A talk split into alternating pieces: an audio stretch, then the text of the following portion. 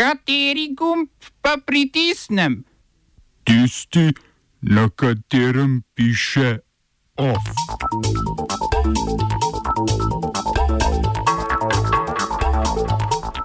Britanski parlament potrdil spremembe zakona o notranjih trgih, ki kršijo del sporazuma o brexitu. Hamas, Fatah in islamski džihad za vzpostavitev enotnega terenskega vodstva in oboditev palestinske osvobodilne organizacije. Nemčija bo sprejela še 1500 migrantov z grških otokov. V kulturnih novicah posledice koronavirusa v slovenskih gledaliških dvoranah.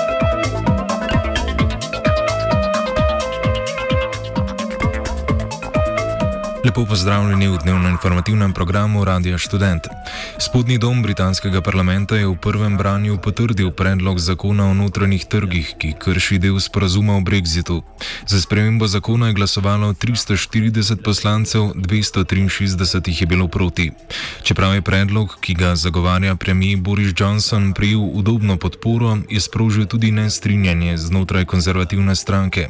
Kar 30 njenih poslancev se je glasovanja vzdržalo.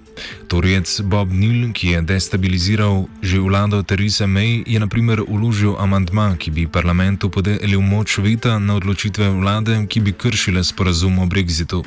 Glasovanje o amantmajih sledi prihodnji teden, na to pa mora zakon še skozi zgornji dom parlamenta.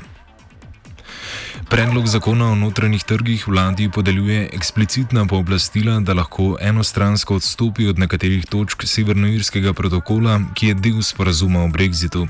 Zakonom vlada krši dogovorjeno načelo premoči evropskega prava nad britanskim v primeru trgovine med Severnoirsko in preostalimi deli Združenega kraljestva.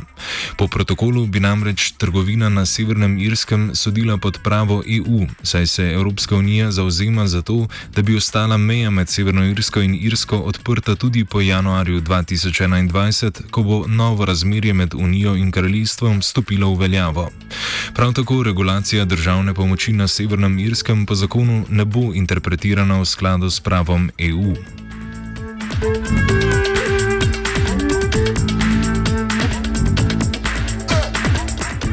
Nemška kanclerka Angela Merkel in notranji minister Horst Seehofer sta se dogovorila, da bo Nemčija sprejela dodatnih 1500 migrantov z grških otokov.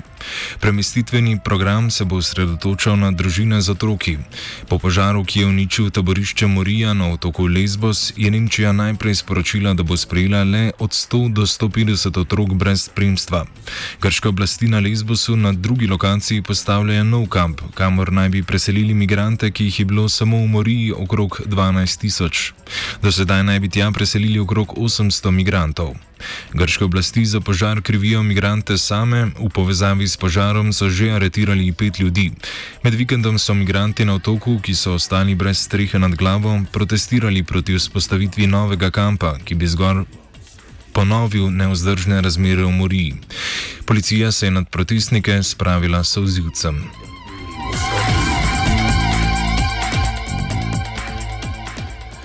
Ruski predsednik Vladimir Putin je beloruskemu kolegu Aleksandru Lukašenku na srečanju v Sočiju obljubil približno 1,3 milijarde evrov težko posojilo. To naj bi Lukašenku kratkoročno pomagalo prebroditi gospodarsko krizo in refinancirati stare dolgove. Rusija priznava Lukašenka za legitimnega predsednika Belorusije, Putin pa je izrazil podporo tudi Lukašenkovi ideji ustavne reforme. Predloga reforme Lukašenko sicer še ni objavil, predstavlja pa njegov odgovor na množične proteste in opozicijske poskuse, da bi ga spravili z oblasti. Špekulira se, da bi ustavne reforme omejile oblast predsednika, a bi Lukašenko seveda ostal predsednik. Rusija prav tako poziva Zahod naj se ne umešava v beloruske zadeve. Thank you.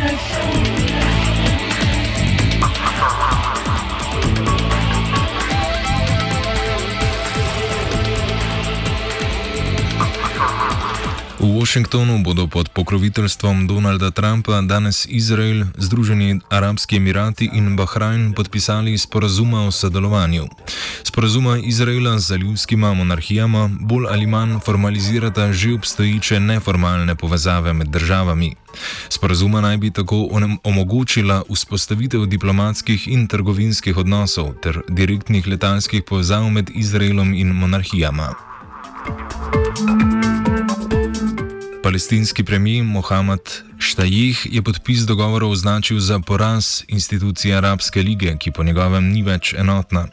Bolj enotne pa naj bi postale palestinske politične frakcije. Hamas, ki upravlja Gazo, Fatah, ki vodi palestinsko samoupravo na Zahodnem bregu, gibanje Islamski džihad in druge palestinske entitete so se dogovorili o spostavitvi enotnega terenskega vodstva, ki naj bi vodilo celosten ljudski upor proti izraelski okupaciji.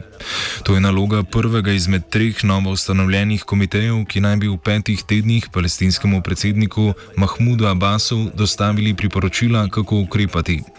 Abbas se je zavezal, da bo priporočila ne glede na njihovo vsebino upošteval. Drugi ustanovljeni komitej je odgovoren za dosego sporazumne vizije o koncu razkola med Gazo in Zahodnim bregom, torej med Fatahom in Hamasom. Kljub številnim dogovorom, ki ste jih gibani sklenili v minulih letih, vse od zmage Hamasa na zadnjih palestinskih volitvah leta 2006 ostajata sprti z razdeljenimi vplivnimi območji.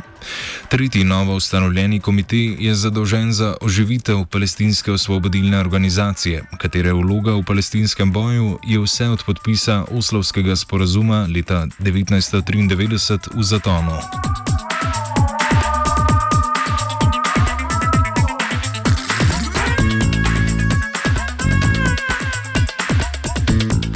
Ustavno sodišče slonokoščene obale je razsodilo, da predsednik države Alassane Utara lahko kandidira za svoj tretji mandat. Tako je sodišče očitno pritrdilo v Otaraju, ki kljub doseženi ustavni meji dveh predsedniških mandatov kandidira za tretji mandat s pojasnilom, da je sprememba ustave leta 2016 ponastavila štetje mandatov. Čeprav je predsednik obljubil, da ne bo več kandidiral, si je premislil, potem ko je njegov izbrani naslednik, premijer Amadou Gon Kulibali, junija umrl zaradi srčnega napada. Odkar je prejšnji mesec v Otara naznanil ponovno kandidaturo, na ulicah večjih mest potekajo protesti, na katerih je do sedaj umrlo okrog 15 ljudi. Izmed 44 kandidatov za predsedniške volitve 31. oktober je ustavno sodišče potrdilo le štiri.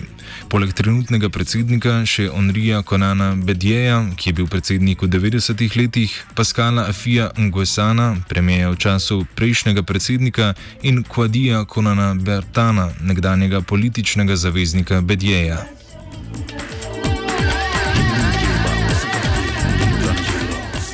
Skrajšani off je pripravil Martin.